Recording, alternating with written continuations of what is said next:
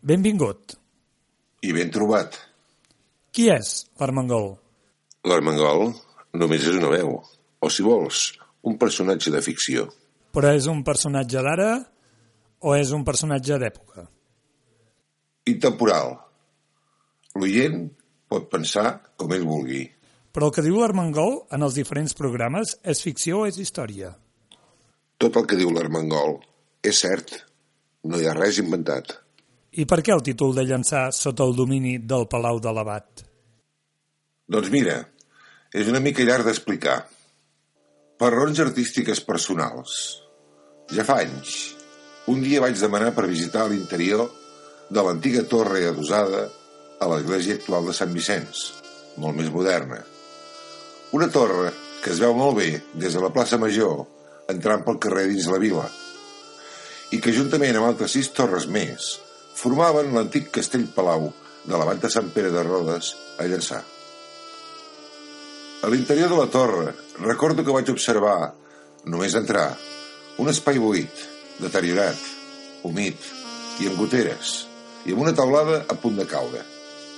Totes les parets pràcticament a pedra vista, llevat d'uns fragments arrebossats de morter majoritàriament a la paret esquerra de l'entrada. Com un miracle diví, es resistien a la seva desaparició per sempre més caient en l'oblit i desintegrant-se en la ignorància de la seva pròpia existència.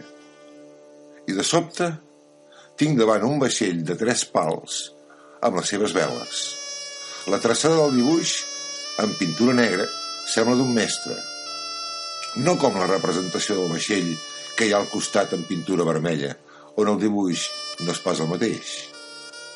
En pocs metres quadrats s'observen altres elements amb decoració pictòrica i temàtica marina, majoritàriament amb motius figuratius i geomètrics.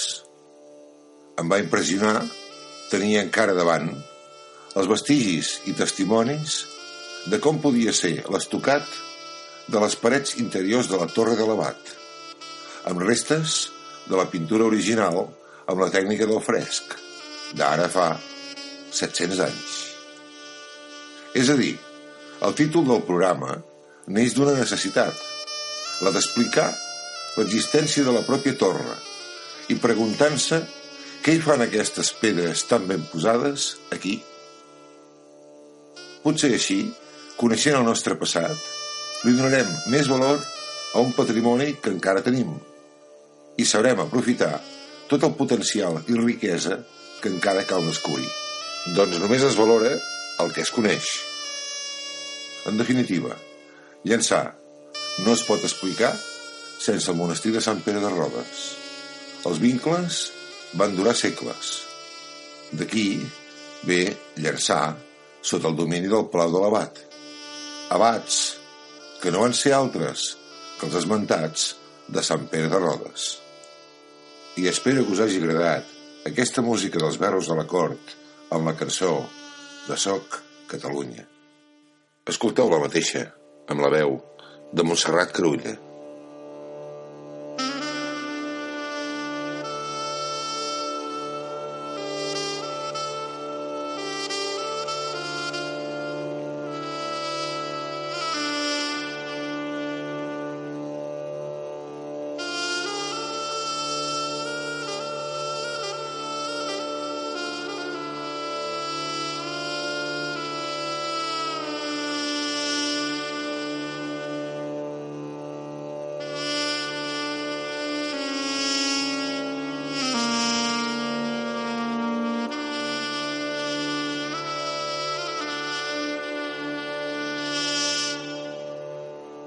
He pujat aquella muntanya, tan alta, majestuosa i bella. El fred és viu. L'aire m'acarona la cara d'una mà de ser gelada. El cel és d'un blau de porcellana. Sota un sol tot just eixint, la neu centellejant crema els ulls enlluernats. Però portant la vista més enllà de les muntanyes, dels boscos, dels pobles i la plana. Veig la mar. I girant la vista a l'altra banda d'aquesta muntanya sagrada, es despleguen altra vegada més muntanyes esplendents de neu i cobertes de boscos frondosos i vinyes opulents, la plana i camps ufanosos i la mar. Una àliga de magnífica envergadura s'alça per damunt d'aquesta muntanya, tan alta, tan ferrenya i tan bella. L'àliga reial plana en el cel blau sobre la terra catalana, èbria de llibertat. I la meva ànima s'exalta, encesa d'amor pel meu país, i s'enlaira amb ella. Braços oberts, com per abraçar tot el que veig, giro sobre mi mateixa lentament. Soc l'àliga. Soc aquest cel blau Sóc aquestes muntanyes, sóc la neu immaculada, els boscos, les vinyes, els pobles i la plana, fins a la mar. Sóc Catalunya.